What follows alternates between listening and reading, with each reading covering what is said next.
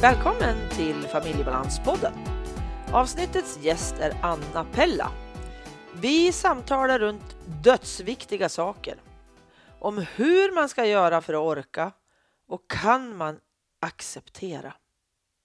Familjebalanspodden görs i samarbete med Comicap, hjälpmedelsföretaget som vill genom mötet med människor förmedla kunskap, väcka nyfikenhet och visa på behovet av kognitiva hjälpmedel och sinnesstimulerande produkter.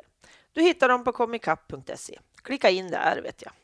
Ann-Katrin Noreliusson heter jag som driver den här podden. Jag arbetar med att förändra tillvaron för människor som har NPF i familjen och särskilt då som de som har OCD i familjen. Är du anhörig till någon familjemedlem som har OCD tvångssyndrom? Då vill jag välkomna dig in i Facebookgruppen OCD, tvångssyndrom, lika med tvångstankar och tvångshandlingar anhöriga. Och du hittar mig på familjebalans.se. Nu kör vi igång med avsnittet.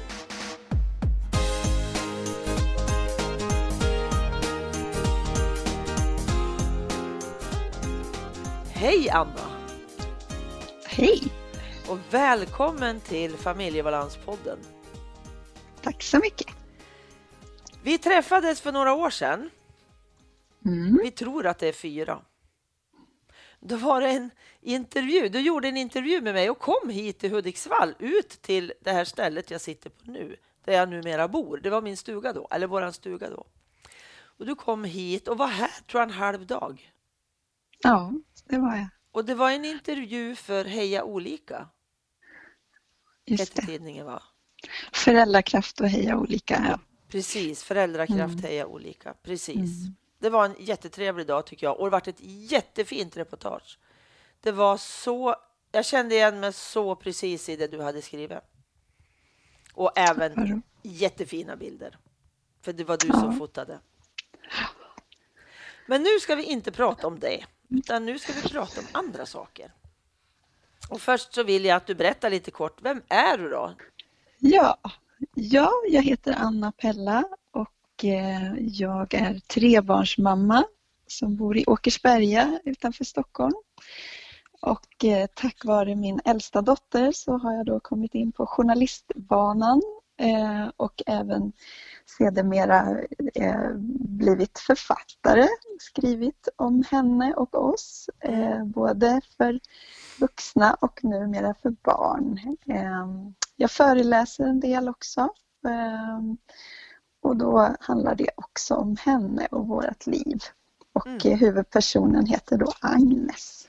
Precis, hon är huvudpersonen i vårt samtal också och lite livet runt Mm. henne. Hon har ingen NPF-diagnos, eller hur? Nej, Utan hon har andra diagnoser. Men jag tycker ändå att det är många saker som förenar. Ändå, Mm. alltså när man har barn med funktionsnedsättning så är det så himla många saker man kan känna igen sig i, i varandras familjer. Fast det är inte samma sak, mm. tänker jag. det, det är min känsla också av alla familjer som jag har fått förmånen att träffa i, via mitt jobb då för Mm. den här tidningen. Att vi har mycket, många saker är, är lika. Mm. Eh, Det finns fler likheter än, än skillnader. Ja, faktiskt. Det, Mm. det som kan vara skillnaden, tänker jag, det är att om jag har en synlig funktionsnedsättning, Mm, då förstår folk mycket lättare. absolut. Som jag som har då två barn med NPF och där det har varit alltså jättesvårt att få omgivningen att förstå hur stora svårigheter det har varit. Mm. För att de har haft alla armar och ben och allt och sånt. Mm. Och det blir svårt. Mm. Så att där kan det väl vara en liten skillnad, men känslan tänker jag i, i familjeliv och så är ju väldigt likt i alla fall. Så är det, det tror jag. Och hon har ju två yngre syskon också då, som då jag brukar kalla för skuggsyskon. Mm. För ofta blir det ju så att de kommer lite i skymundan, för så har det ju varit hos oss, den som har inte så många diagnoser. Hon har ju fått komma i skymundan för då Mm. lillebror som har fler. Mm. Och det är också tufft tycker jag. Mm. Och vi ska det. prata lite mer runt omkring det också. Men först så vill jag prata om den här boken som jag fick i min hand för ett tag sedan. Mm. som heter Operation dödsviktigt. Jajamän. Och jag kan verkligen hålla med om att det är, den boken är dödsviktig. Berätta Ja. lite, varför skrev du boken? Ni är två ser jag, det är inte bara du va? Någon som är illustrerat kanske, eller? Ja, precis. Som också heter Anna. Ja. Eh, och som har på ett fantastiskt sätt eh, eh, inspirerats av oss eftersom boken liksom är också, handlar väldigt mycket om syskonen i min, då Agnes syskons reflektioner och tankar. Eh, och då, så att hon har, illustratören har hittat ja, ett underbart bildspråk tycker jag. Mm. Ehm, och boken har ju kommit till för att jag har känt att eh, ända sedan Agnes föddes så har vi... Det började med att hon slutade andas helt enkelt när hon låg på eh, min, min mage. När Mm. hon precis var nyfödd.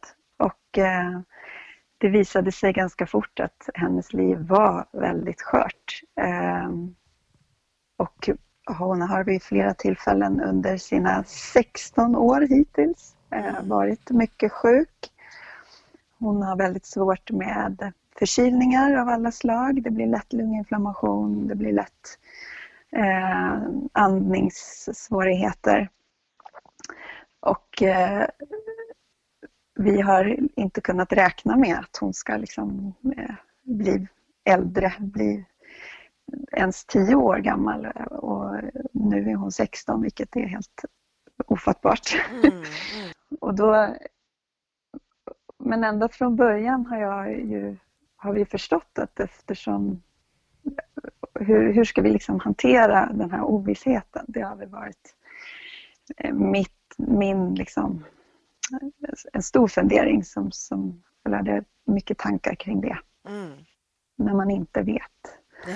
hur långt livet ska bli eh, och hur man ska förhålla sig då varje dag. Ska man stanna hemma och bara sitta och titta på varandra och vänta eller ska man försöka liksom hitta ett sätt att leva, leva på så länge det varar? Eh, och vad är då viktigt och vad, är, vad blir oviktigt och sådär. Mm. Och framför allt så måste man, eller har jag känt ett stort behov av att, att kunna prata om de här frågorna. Både med, min, med, med Agnes pappa förstås, men även med Agnes syskon. Mm. Eh, vi vet ju inte tyvärr hur mycket Agnes själv förstår och sådär.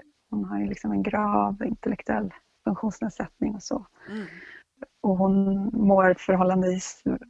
Alltså, eh, hon är en väldigt glad person och sådär. Eh, men eh, systrarna har ju liksom tidigt, tidigt eh, bli, visat upp liksom, eller att de, de har funderingar och tankar.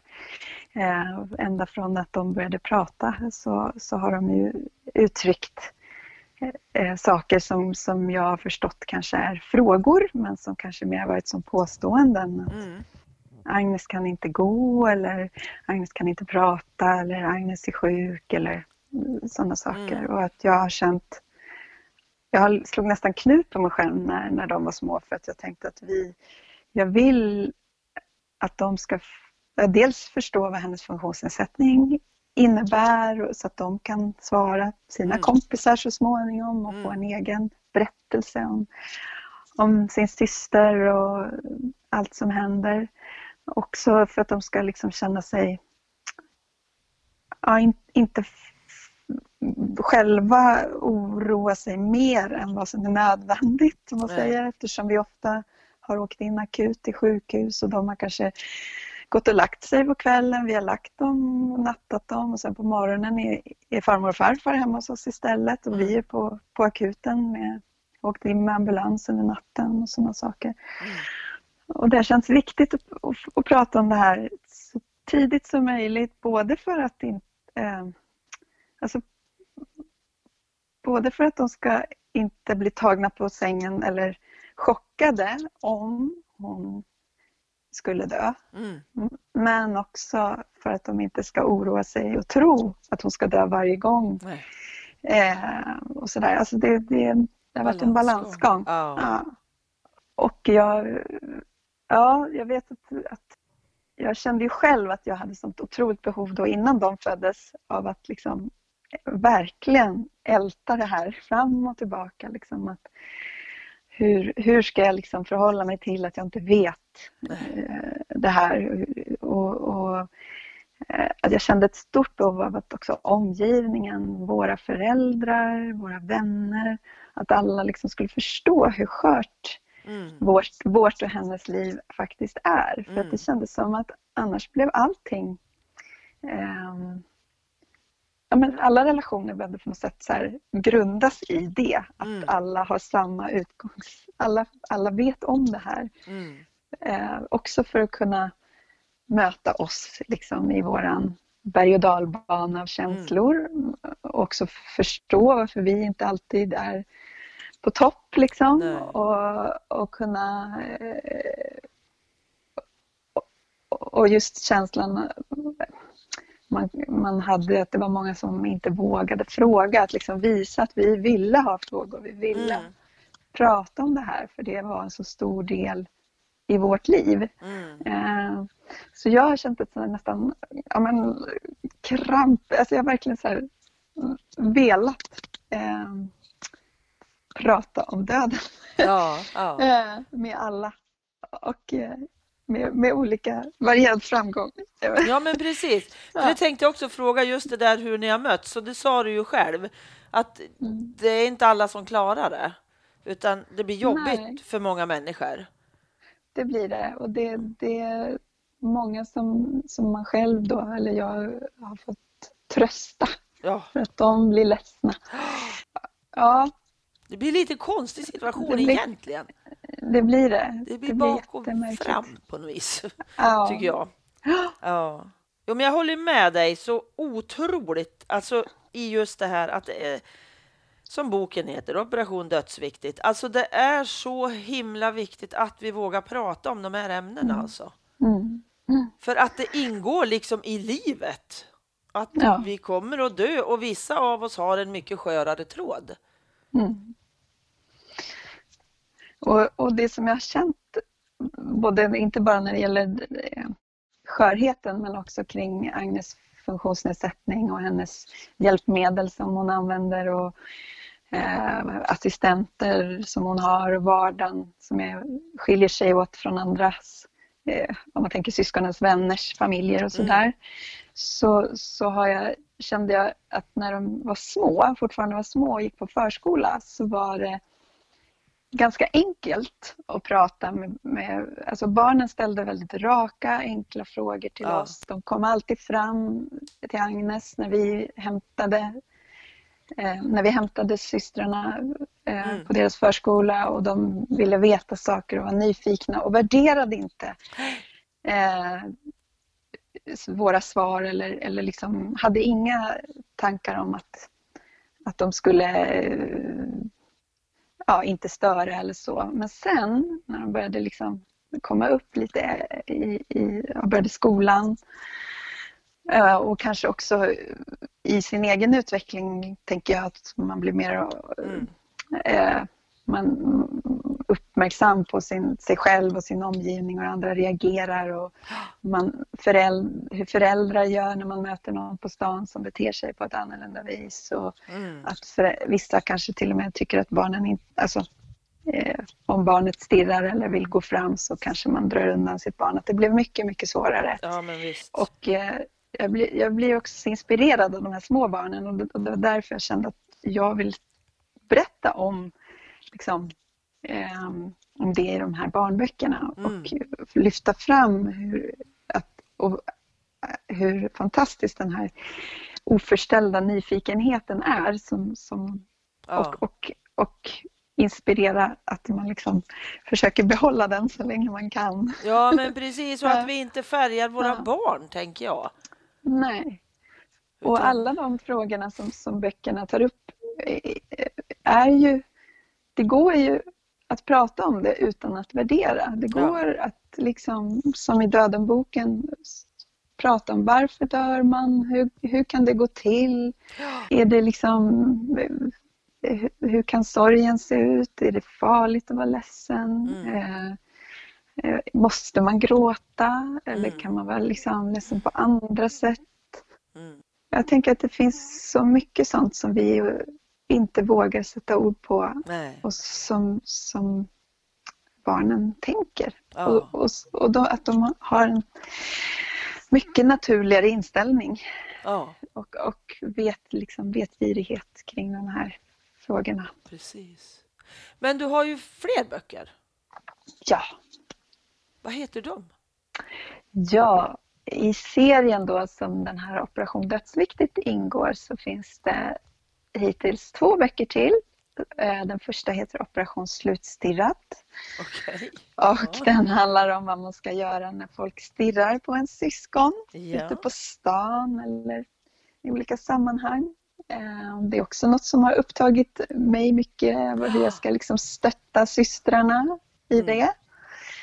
Och det du sa innan här, apropå det om, om hur när man har en synlig funktionsnedsättning då ser ju människor på långt håll att här kommer en person i rullstol till exempel eller som dreglar, som, eh, ja, som Agnes var liten, hon kunde kräkas var som helst. Det, eh, hon behövde ibland andningshjälp liksom, när vi var ute på stan. Ja. Och, och, eh, och det var mycket liksom ståhej sådär. Man Mm. såg på långt håll liksom att här, här är det något särskilt. Och jag vet att jag tyckte det var väldigt, väldigt jobbigt. Eh, och särskilt då när man på Hjälpmedelscentralen sa att nu tycker vi att ni ska byta från barnvagn till rullstol. Mm. Och för mig var det, eh, liksom, det var ju på något sätt då skulle ju alla verkligen, innan hade Ja. jag kunnat liksom dölja det lite grann med att fälla upp suffletter och liksom Mm. väl- välja i vilka sammanhang man skulle ja, vara stark nog liksom, Ja. att möta omgivningens reaktioner och människor som stirrade och sådär. Eh, Men eh, på ett sätt, nu i efterhand, så, så var ju det väldigt skönt när rullstolen kom. För då kunde folk själva på håll bestämma sig för, om, då var det deras val, Mm. om de ville liksom, vågade och ville möta oss eller om de ville undvika oss Ja. på något sätt. Alltså det är helt galet att det ska vara på det viset tycker jag. Ja, ja. Och även då tidigt, tidigt så, så lärde sig småsystrarna att ställa sig på Agnes på sidorna av rullstolen. Alltså man kunde hoppa upp och åka med liksom. Mm. Eh, Men det slog mig efter ett tag att de också gjorde det som något slags, o, något slags skydd. Liksom. Ja. Att de skyddade henne för blickar när Mm. vi, när vi var på ICA eller liksom ute på, på stan och sådär Mm. så här, om- omedvetet så liksom, ja. Precis. Så att den boken, det var den första boken då som handlade just om det här, vad, vad gör man när folk stirrar? Mm. Eller, eller frågar, hur, hur svarar man liksom Ja. när, när, när folk frågar eller inte frågar? Och, Mm. ehm, och våra, eller systrarnas, mycket systrarnas erfarenheter då. Mm. Eh, och sen har det kommit en bok emellan som heter Operation Rädda sommarlovet. Och den handlar om hur man gör när, när det är sommarlov och alla planer som man har sett fram emot, alla roliga saker som man har sett fram emot blir inställda för att stora syster blir sjuk Mm. och ehm, det blir inte alls som man har tänkt helt enkelt. Nej. För det är ju också någonting som, som jag tror vi alla funkisfamiljer har gemensamt. Att, Ja. att eh, det är svårt att planera och ibland orkar man knappt för att man vet ändå inte om det blir av Nej. det man har tänkt. Och så gör man ett nytt försök när man har ny kraft och så ska man hitta på något roligt och sen så skiter det sig Ja, av någon anledning. Ja. Och precis. att det är också en- liksom en berg och dalbana på något sätt att, att klara av det där och ändå fortsätta våga Mm. Och hitta andra sätt att göra saker på. Mm. Och kanske också sluta jämföra sig med vanliga familjer ja. som åker till Thailand hela tiden eller vad de nu, Men vad de nu gör. Ja, för det känner jag också igen fast vi inte då har alls i den digniteten Nej. av funktionsnedsättning Nej. som ni har. Nej. Men just det där att inte kunna åka. Vi, kan, vi har inte kunnat gjort samma saker. Det är bara så. För att det, här, det, har, det har varit för mycket lidande för barnen. Och vilket gör att ingen i familjen får ju roligt när någon mår skit av att man lämnar sin trygga plats. Liksom. Nej, nej. Men, men alltså, jag tycker ju böckerna, de är ju dödsviktiga allihopa, tycker jag. Så, de är jätteviktiga. Och jag hoppas ju verkligen att, att människor som lyssnar tar tag i de här bitarna. Alltså. Att, eh, ja. Just dödsviktigt tycker jag, den, den gäller för alla. Ja. De andra ja. del, böckerna kan ju vara just när man har den lite svårare funktionsnedsättningarna, tänker jag. Där, är, där man sticker ut och syns och behöver ja. ha svar. Ja. Så. Absolut. Men du, i, i, direkt i det här då tänker ju far ju min hjärna ner i det här med att acceptera. Mm. Att acceptera situationen att vårt liv blev inte alls som vi trodde. För så var ju, tänkte ju jag. Jag hade ju en, en tydlig bild fast den inte var så uttalad. Men jag kände ju sen när det inte blev som jag hade tänkt att fasiken, det blev ju inte så. Det blev ingen studentexamen för en av barnen och det blev vi har inte kunnat resa som vi kanske hade velat. Det vet jag inte. Vi, vi, vi la ner det tidigt. Mm. Men liksom, hur, hur har du jobbat med acceptansen? För det är mycket som behöver accepteras för att få ett liv som är schysst, fast det är svårt. Mm. Ja, det, det har ju varit en enorm eh, lång och krokig väg ska jag väl säga. Mm. Och jag vet inte om jag är framme eller någonsin kommer fram. Eh, men, men det finns ju några liksom tillfällen under eh, de här åren som ändå har liksom känt att jag har nått någon form av liksom milstolpe eller delmål eller vad man nu ska säga. Mm. Första två åren var väldigt, väldigt tunga. Eh, det var också väldigt ovisst då vad, vad hennes funktionsnedsättning skulle innebära. Det var ingen som kunde säga om hon skulle, hur hon skulle utvecklas. Eh, och det var faktiskt då först när, när hennes lilla syster kom och jag upptäckte att, att hon kunde göra fler saker som, som nyfödd. Mm. Alltså redan då, återigen på min mage ah. eller på mitt bröst, så, så hade hon mer styrsel i sin kropp och mer ögonkontakt liksom och mer mm. eh, sugförmåga, liksom, mm. kunde amma bättre. Mm. Och, och det gjorde fruktansvärt ont. För där försvann liksom allt mitt, ah, jag vet inte om det är hopp, men alltså all, alla mina förhoppningar om att Agnes en dag skulle kunna eh, saker mm. eh, och utvecklas. Att hon bara var lite sen eller alla mm. de här märkliga liksom, orden som läkarna uttryckte. Ja. Utvecklingsförsening som är så missriktat. Ja. Liksom. Uh, som sagt, det är två år mellan dem och, och lilla syster kunde mer redan dag ett. Liksom. Ja. Så att jag, det, det var väldigt smärtsamt men det var också väldigt, för mig tror jag, bra att jag kom, fick den där kniven. Liksom, ja. och, och känn, för då slutade jag skydda mig genom att hela tiden gå och hoppas på något annat. Mm. Och jag började faktiskt se Agnes liksom, istället på ja. sätt. För allt som hon, som jag bara hela tiden googlade om det fanns behandlingar eller operationer eller ja. gen, ja men alltså mediciner eller ja. Så att jag liksom fick börja från noll där och, och tänka att ja, men det här, det här kommer, hon kommer aldrig någonsin komma ikapp på Nej. något sätt. Utan hon är den hon är och hon är nöjd också i mm. det.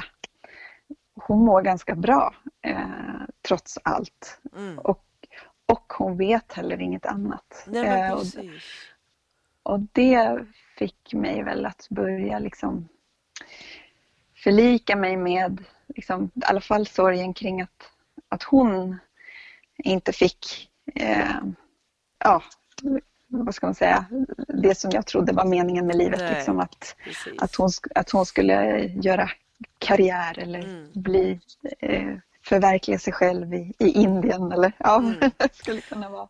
Ja, men vi har ju sådana där bilder, ja. tänker jag, allihop ja. av oss. Ja. Och förr eller senare så kommer de liksom på fall, de där, när det ja. kanske inte blir som vi har tänkt. Det, det kanske tar ett antal år innan vi liksom ändå märker att oj, här är det någonting som, mm. det är något som mm. inte stämmer. Och där börjar processen. Och jag tänker att det är väldigt viktigt att komma till någon slags acceptans. Mm, mm. Att inte ge upp, absolut aldrig ge upp, men, men ändå acceptera att så här är det och vi gör det mm. bästa av det här nu. Mm, att jag precis. kan vara lycklig ändå fast det är jättetungt. Mm, mm. Alltså den kombinationen har gjort att jag har överlevt tror jag. Att hitta något, något som, det, det, får ju plats så mycket liksom egentligen. Att jag kan vara jätteledsen för att det är som det är. Men ändå känna att ja men herrejösses, jag kan ju titta in i den där pelargonblomman och se hur fantastiskt vacker den är. Mm. Att allt är inte svart bara för det, liksom, för att någon mår Nej. jätte, jättedåligt. Nej. Och jag, och jag tänker att det, det, det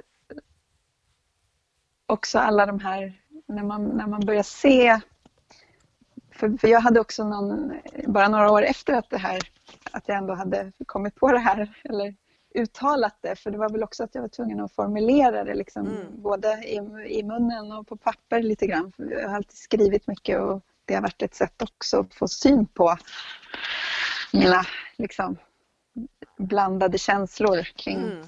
kring det här. Och eh, när då nästa lilla syster föddes tre år senare och hon skulle börja på sin förskola så kände jag så här, ja men nu, nu har vi fått livet att funka. Eh, vi hade ju anpassat oss mycket, vi jobbade inte heltid någon av oss. Och, ja, men vi hade fått igång avlastning som fungerade liksom både med kortis och, och assistans.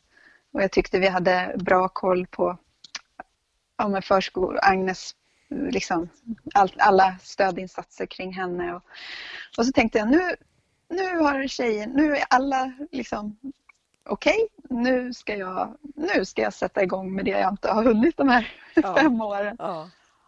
Och pang sa det liksom. Efter, det gick inte så många månader utan, innan jag var helt, helt eh, slut. Mm. Så då gick jag liksom på det igen och tänkte att ja, men vi, är ganska, vi är nästan som vilken trebarnsfamilj som helst, mm. tänkte jag. Mm. Um, och nu ska jag liksom jobba mer och nu ska jag ja, fungera och, mer som alla andra. Och, mm. så att, så att jag, och det där har jag fått kämpa med sedan dess. Uh, jag har, måste nästan varje dag tänka om, anpassa om, liksom, stryka saker för att orka och för ja. att liksom inte komma... Jag har liksom, min stresströskel är ju jättelåg mm. så att jag, och jag, händer det mer än två oförutsedda saker liksom, på kort tid så blir det för mycket. Liksom. Mm. Det räcker med att skolskjutsen inte dyker upp eller att assistenten ja. ringer sig sjuk. Eller... Så varje dag är liksom en process ja. där, man, där jag måste ha mycket liksom, luft i min planering och måste prioritera stenhårt vad det är som känns viktigast liksom, mm. för mig och vad som ger mig mest energi. Mm. Och sen får jag försöka att inte ha dåligt samvete då för allt som jag inte hinner göra, Nej. som jag skulle vilja göra. Mm. Uh, för innan, innan Agnes föddes så, så var jag en sån person som liksom körde på fullt ös och kände aldrig efter. Hade liksom ingen kontakt med Nej. känslor på det sättet eller kroppen, lyssnade inte på kroppen utan trodde att jag var helt odödlig och liksom klarade vad som helst. Mm. Och fick väldigt mycket bekräftelse också för att jag var så himla duktig och mm. framåt. Och liksom, så det, det har jag kämpat med och det kämpar jag fortfarande med för det, mm. det sitter djupt. Det gör ju det alltså. Ja. Vad lätt det är att hamna där. Att, att inte ta hand om sig själv. Att det blir mm. lätt den där att man, äh, jag kör. Mm. Och mm. det blir ju inte bra någon gång. Nej. För har man varit också, alltså när man har upplevt den här utmattande känslan som är när man på något vis har haft det ganska tufft eller väldigt tufft. Och så får man helt plötsligt lite tid för sig själv och då ramlar man ju. Ja. När man får det där lilla spacet liksom och får Precis. kontakt på något Ja. vis inåt, då rasar det ju. Och jag har ju fyra utmattningar bakom mig nu. Mitt, ibland blir jag ju så irriterad på mig själv att jag aldrig lär mig. Men det Ja. går ju, jag har ju ganska höga varv i huvudet och så. Men alltså, jag har blivit, i, den här vintern har gjort att jag har blivit jättenoga med återhämtningen. Jag måste gå och sätta Mm. mig med mitt träd eller titta på mina barkbitar och vad jag gör liksom. Mm. För att orka. Mm. Men vad gör du då, då när din återhämtning, vad består den av? Ja, eh,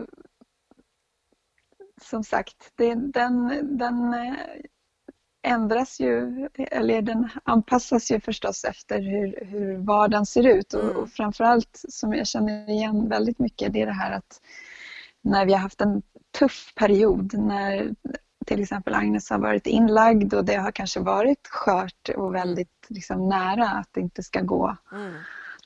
under sjukhusperioden då är jag ju liksom lejonmamma. Jag är så stark, jag är helt... Jag har så mycket adrenalin Mm. och jag känner mig starkast i världen för jag ska fixa det här. Liksom. Jag, ska, jag ska reda upp det. Och sen när, jag börjar se, när vi börjar se tecken, som vi då tack och lov hittills har gjort på, på förbättring Mm.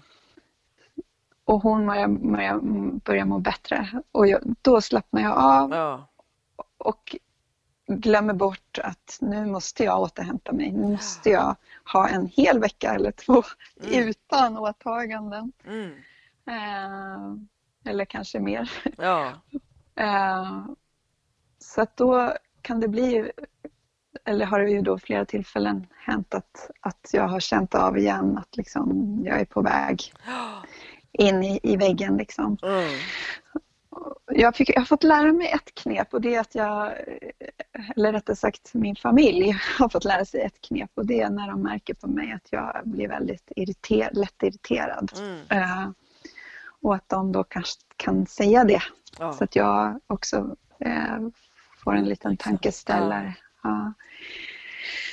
Men det som, som har hjälpt mig mest och som hjälper mig mest just nu det är faktiskt att vi har skaffat en hund. Aha, vad Ja. trevligt. Ja, och det var liksom väldigt många diskussioner kring det. För hur skulle vi orka ta hand om en hund Ja. också? Liksom, när vi redan har det här liksom, vardagskaoset. Mm.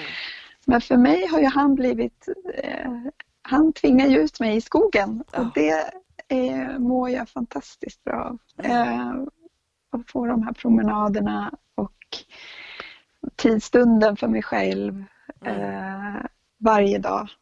Eh, att jag måste eh, liksom få avbrott i det jag gör. Även om, om jag sitter och skriver på något jättespännande, Mm. någon intervju jag har gjort. Eller, för det är också mitt problem att jag tycker så mycket jag tycker så himla mycket är roligt. Ja. Och jag går igång och jag kan sitta liksom oavbruten eh, och jobba med saker och, och inte känna då efter Nej. alls. Nej. Och har, är det liksom problem någonstans i, i administrationen då kring, kring Agnes och alla hennes behov så, så ger jag mig sjutton på att jag ska lösa det och då eh, tänk, bortser jag ju igen från mig eller mina behov liksom Mm. för att jag ska bara fixa åt henne liksom. Ehm, så att jag skulle säga att eh, för mig har, har hunden varit det absolut viktigaste jag kommit på hittills. Ja, fantastiskt. Ja, Ja, vi hade hund ett tag. I tio år hade vi hund. okej. Ja. Och, eh, jo, men det var, jag, jag, hon hjälpte ju mig att komma över min extremt svåra rädsla av att vara ute ensam. Okej. Hon och jag tränade från den när hon var valp så, så gick jag, då ska man ju börja så där försiktigt på tomten och så lite till och lite till och lite till Ja, och just lite till. Och jag var precis lika, ja det var lika nödvändigt för mig som för henne. Aha. Så hon hjälpte cool. mig jättemycket. Ja. KBT liksom. Precis. Ja. För jag hade inte klarat att KBT mig själv, helt själv utan henne. Mm. Hon var en stor hjälp för mig. Så att hundar är något fantastiskt faktiskt. Djur överhuvudtaget är ju häftigt. Kan hjälpa Ja. en jättemycket. Och lika skogen är ju också mitt nya Mm. elixir på riktigt Mm. sådär. Så att, eh, ja. Jo, men det gäller att hitta sin grej. Jag tror hitta, det. Hitta Mm. vad är det som ger mig energi, Mm. som ger mer än det tar. För vissa saker Mm. som är roliga tar ju också. Mm. Gäller ju att hitta det som mest, Mm. som ger mest liksom. Just i alla fall att kunna ägna sig åt ibland och få tid för sig själv. Ja, och, och tvinga sig till det. För Ja. det, jag fick så många eh, råd om det förut när Agnes var mindre. Att du måste tänka på dig själv och ah, ja, inte bara för min egen skull såklart utan också för att hålla på sikt för Ja. hennes skull och, för, och, och, och även för syskon och, Ja. och allt, allt, allt, Allt. liksom. Mm. Men jag förstod inte ens liksom, varför ska jag... Eh, jag behöver ju vara här för mitt Ja. barn hela tiden, dygnet runt. Mm. Varför ska jag gå till ingenting? Vadå gå till frisören eller gå på massage eller gå, åka bort tillsammans med Agnes pappa? Det, det var ju en enorm administration att kunna Mm. åka iväg hemifrån alls under Mm. en period. Och det tog så mycket energi att få till det med dubbassistenter och backup till assistenter och Mm. mor eller farföräldrar som skulle finnas till hands. Eh, så det var liksom, det kändes inte som att det ens, det fanns inte på kartan att jag skulle göra något för mig eller oss andra. Eh, Men jag är ändå väldigt glad att vi tidigt förstod att, och det var ju när systrarna kom, att vi förstod att vi behövde eh, mer avlastning för dem. Liksom. Mm. Och så att Agnes fick börja på sån här korttidsboende när hon var två år. Eh, Mm. Väldigt tidigt och det är jag jätteglad för.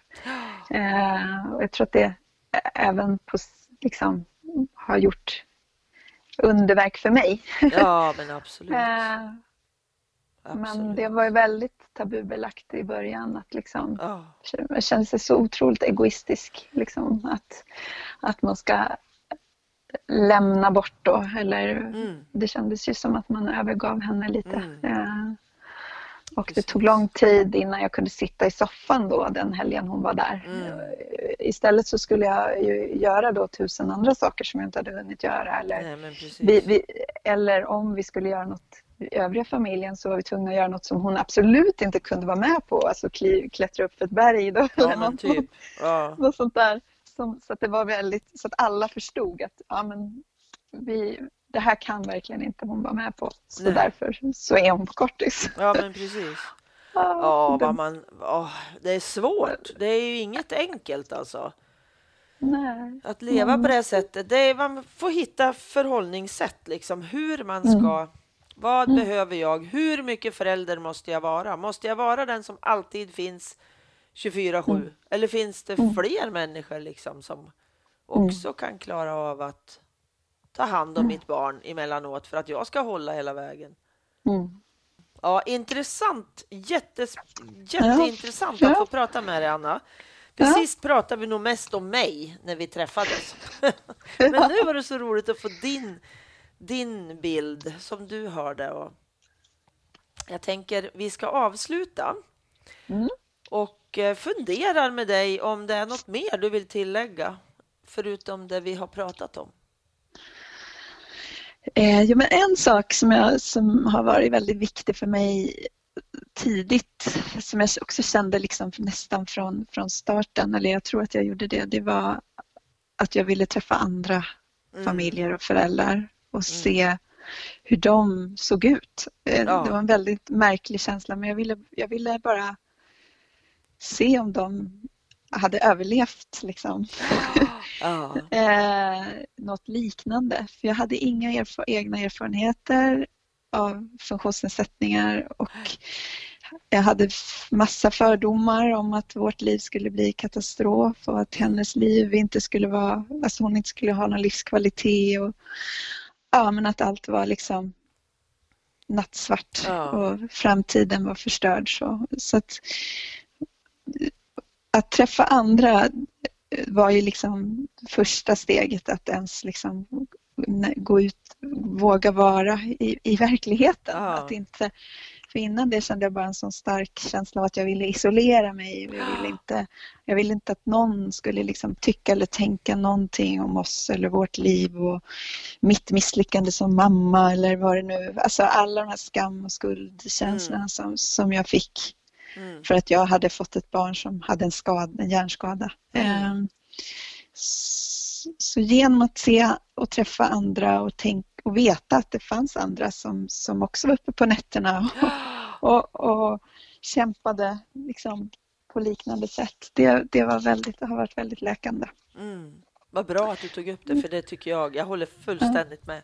Nätverken som, som vi kan ha runt oss med, med likasinnade, om man säger så, mm. Mm. är jätteviktigt. Det har varit min överlevnad, absolut mm. också. Mm. Att vi har mm. suttit och nickat åt varandra. Liksom. Jajamän, jag förstår, jag fattar, för vi har ungefär lika. Ja, nej men det, det är väl det som, rådet som jag själv då inte lyssnade på. Nej.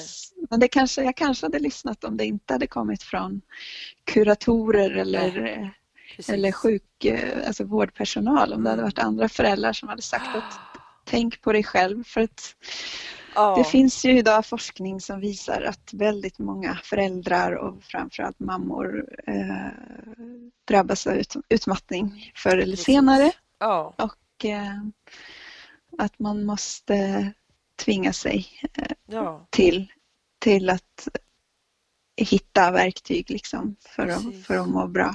Och, och våga vara ego.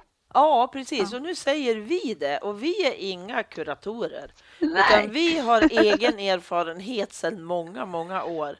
Och det är precis det vi behöver göra. Ta hand om oss själva. Mm.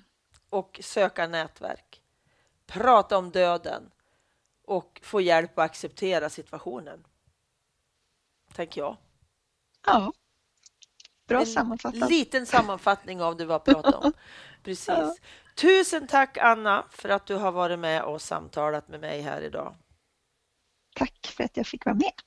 Hej då! Hej då!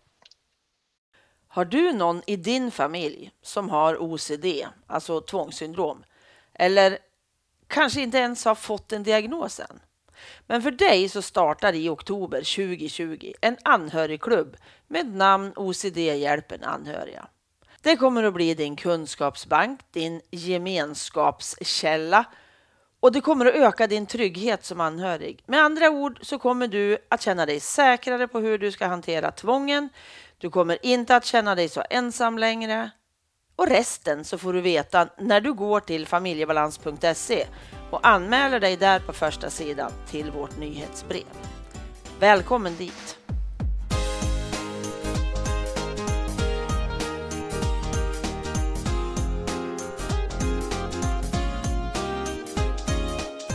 Boktips!